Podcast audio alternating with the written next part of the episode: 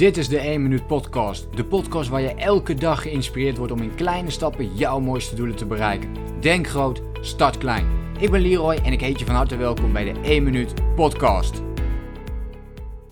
Vandaag ga ik een paar tips met je delen over hoe jij het maximale uit jouw ochtendritueel kunt halen. En natuurlijk ga ik wat tips en tricks delen over hoe ik dit bij mezelf heb gedaan. Ik uh, maak dit nu voor je omdat ik heel vaak de vraag heb gekregen: Joh, Leroy, hoe heb jij je eigen ochtendritueel ontwikkeld? Uh, wat pas je daarin toe? Heb je tips, ideeën, inzichten hoe je dit het beste kunt aanpakken? En vandaar dat ik uh, dit even voor je op, uh, op papier ga zetten, zodat jij hier mogelijk zelf ook iets aan hebt. Als allereerste is het natuurlijk heel belangrijk om te weten hoe laat wil je opstaan in de meest ideale situatie. Dus niet hoe laat je nu opstaat, maar hoe laat zou je dat graag willen. En ik merk heel vaak dat mensen vroeger willen opstaan dan dat ze nu eigenlijk doen. Of bijvoorbeeld dat je niet meer wilt snoezen. Dit klinkt allemaal heel simpel en makkelijk, maar denk er maar eens goed over na hoe laat dat voor jou zou kunnen zijn. dus wat is jouw ideale moment? Toen ik erachter kwam dat dat voor mij om 6 uur was, uh, besloot ik ook daadwerkelijk om 6 uur te gaan opstaan. Dat is dus veel eerder dan dat ik daarvoor deed. Daarvoor stond ik bijvoorbeeld om 7 uur op. Uh, dus dat was een uur eerder. Dus het is goed om te weten van nou ja, hoe laat wil je dan eigenlijk echt opstaan. En maak die commitment naar jezelf toe. Dat je ook echt gaat opstaan op dat moment. En dat is uh, heel belangrijk. Maak die commitment. En als je die hebt gemaakt, dan wil je natuurlijk daarna weten, oké, maar waarom, waarom wil je het? Hè? Ook dat is een hele mooie. Dus ik ga gewoon wat ideeën over je uitstrooien en pak de dingen op die jij graag wilt meepikken. Waarom wil je vroeger opstaan? Ik had later ook een coachingsgesprek en daarin vroeg ik dat ook. Ja, maar waarom wil je dan vroeger opstaan? En toen werd het opeens voor hem heel erg duidelijk toen hij dit op een rijtje ging zetten. Ja, maar ik wil, dan, ik wil nog even sporten, ik wil nog even kunnen wandelen, ik wil nog even kunnen mediteren. Waarom hij dat zo graag wilde. En zodra je weet waarom je dat wilt, krijg je ook veel meer motivatie om dat eh, voor jezelf te gaan oppakken en om daar ook mee bezig te blijven. Dus heel belangrijk, de why achter jouw ochtendritueel. Um, voor mij betekent dat dat ik van 6 uur tot 7 uur mijn ochtendritueel altijd heb. Dus dat is 1 uur Ehm, ik heb ze opgedeeld in vier blokken voor mezelf. Ik noem het ook wel de golden hour voor mezelf. Ik weet gewoon dat als ik hiermee begin, dan begin ik dus elke dag positief. Omdat ik weet dat ik. Er mogen nog zo heel veel van die klote dingen gaan gebeuren tijdens de dag. Dat kan hè. Heel veel dingen die mis, uh, mislukken of misgaan of heel veel tegenslagen. Maar ik weet, ik start elke dag heel erg goed. En ik heb dat dus onderverdeeld in vier blokken. Dus het eerste blok en die blokken zijn allemaal in kwartieren verdeeld. Dus het eerste kwartier, het eerste blok is voor mij uh, mediteren. Dus dan ben ik aan het mediteren. In het tweede blok ben ik aan het bewegen. Wat voor mij vaak betekent dat ik push-ups doe, sit-ups doe, dat ik planking doe. Allemaal wat van die grondoefeningen. Er zit nog wel eens wat yoga tussen. In het derde blok ben ik aan het lezen. Ik noem het ook wel inspirerend lezen. Dus ik pak een boek erbij die mij gaat inspireren, waarin ik de mogelijkheden zie. Dus het kan een persoonlijk ontwikkelingsboek zijn, maar het kan ook een autobiografie over um, iemand zijn die ik bewonder of waar ik bijvoorbeeld bepaalde dingen uit wil halen. Uh, en in het laatste blok ben ik aan het visualiseren. Dus dan bekijk ik mijn jaardoelen, mijn belangrijkste jaardoelen. En ik maak een plan of ik werk het uit naar vandaag toe. Dus wat kan ik vandaag al gaan doen? Welke kleine stap kan ik vandaag zetten in de richting van dit belangrijke doel? En dat zijn, de, dat zijn de fases waarin ik het nu heb opgesplitst. Dat heeft natuurlijk wel tijd gekost voordat ik hier echt een gewoonte van heb gemaakt. De eerste 30 dagen had ik echt nodig om puur iedere dag om 6 uur op te staan. Dus ik deed dat toen ook in de weekenden. Um, en toen merkte ik een heel groot verschil, ook nog eens in de weekenden. In de weekenden pak ik nu gewoon drie uur extra en vrije tijd, wat ik, wat ik persoonlijk dus heerlijk vind om uh, te doen.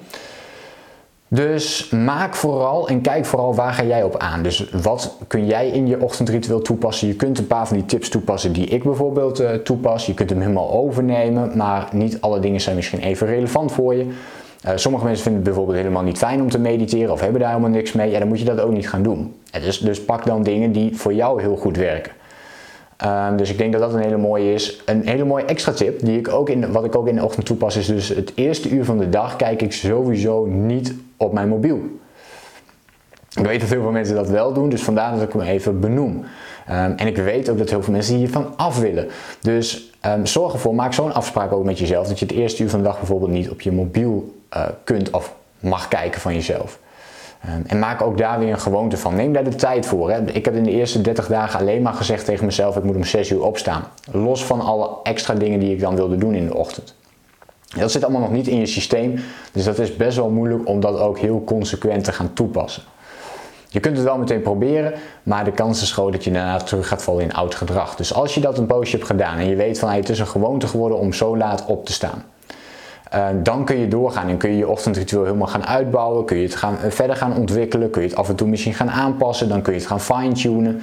Dus je hebt zeker een paar maanden wel de tijd nodig om dat ochtendritueel wat je heel graag wilt hebben, om daar een gewoonte van te ontwikkelen. En neem dus ook die tijd. En neem je die tijd nu niet, ja, eh, ga er dan maar vanuit dat je blijft snoezen, dat je later blijft opstaan, dat je in de ochtend geen energie hebt bijvoorbeeld, of geen focus hebt, of te weinig focus hebt. Ehm, dus hou daar dan rekening mee voor jezelf dat het op die manier gaat. En nog een hele mooie tip is, je zou trouwens ook dankbaarheidsoefeningen kunnen doen. Uh, dat is iets wat ik uh, soms wel doe, soms niet doe. Het is niet echt iets waar ik op dit moment een gewoonte van heb gemaakt, maar wat wel in de toekomst wellicht mogelijk is. dankbaarheidsoefeningen zou je nog kunnen doen. een stuk buiten wandelen bijvoorbeeld is een hele mooie. nou, zo zijn er verschillende dingen die je daarin kunt toepassen. Nog iets wat ik met je wil delen. Want als je kijkt naar je ochtendritueel, dat is wel leuk en aardig. Maar zodra je daarmee gaat beginnen, ga je ook ontdekken dat je aandacht moet besteden aan je avondritueel. Want je kunt natuurlijk wel een half uur of een uur vroeger willen opstaan. Maar daarnaast moet je dan wel gaan kijken, ja, maar hoe laat ga ik nu altijd naar bed toe? Want ook dat heeft natuurlijk invloed op. Dus ga ook daarnaar kijken van, oké, maar hoe laat zou ik dan naar bed moeten gaan? En heb ik dat ervoor over om dat te doen? En meestal merk ik, dat merkte ik ook bij mezelf, dat ik in de avond eigenlijk niet zo heel veel nuttigs meer deed. Weet je wel, ik, ik zat dan maar wat rond te seppen, uh, wat tv te kijken. En ja, die tijd die kon ik eigenlijk net zo goed gaan slapen en juist heel productief benutten in de ochtend. Dus vandaar dat ik daar die switch in heb gemaakt om te zeggen, oké, ik ga eerder naar bed toe. Uh, en dan pak ik die tijd door ook vroeger op te staan. En daardoor ben ik nu dus in de ochtend veel productiever. Ga ik juist op het moment dat ik het minst productief ben, en dat zijn dus in die laatste uurtjes van de avond, um, die heb ik dan niet meer, omdat ik dus eerder ga slapen. En daardoor heb ik ook minder last van uh, bijvoorbeeld even televisie kijken, even een beetje rondzeppen of uh, alleen maar een beetje op de mobiel blijven kijken. Ook hier geldt de tip trouwens, het laatste uur van de dag probeer zo weinig mogelijk op je beeldscherm te kijken, zo weinig mogelijk op de mobiel, eh, televisie en andere dingen, zodat je ook goed kunt eh, gaan slapen. Maar daar, dat is weer een heel ander onderwerp, want dan gaan we het hebben over een avondritueel. En dat is ook interessant, misschien loop je daar op dit moment nog wel meer tegenaan. Bekijk dan even mijn andere video's op YouTube over het avondritueel. Dus klik dan eventjes eh, in de zoektermen ergens in avondritueel of iets wat daarop lijkt. En normaal gesproken moet je dan een video tegen gaan komen die heel erg lijkt op uh, dit principe. Dus dan kun je dat op die manier voor jezelf gaan toepassen.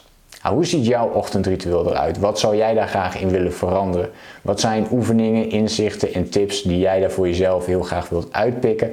Laat me dat eventjes weten in de reactie op deze podcast en uh, op deze video. Ik ben ontzettend benieuwd naar jouw reactie. Uh, dus laat me dat eventjes weten. Wil je meer tips en inzichten? Wil je meer over persoonlijke ontwikkeling en het runnen van jouw online business weten?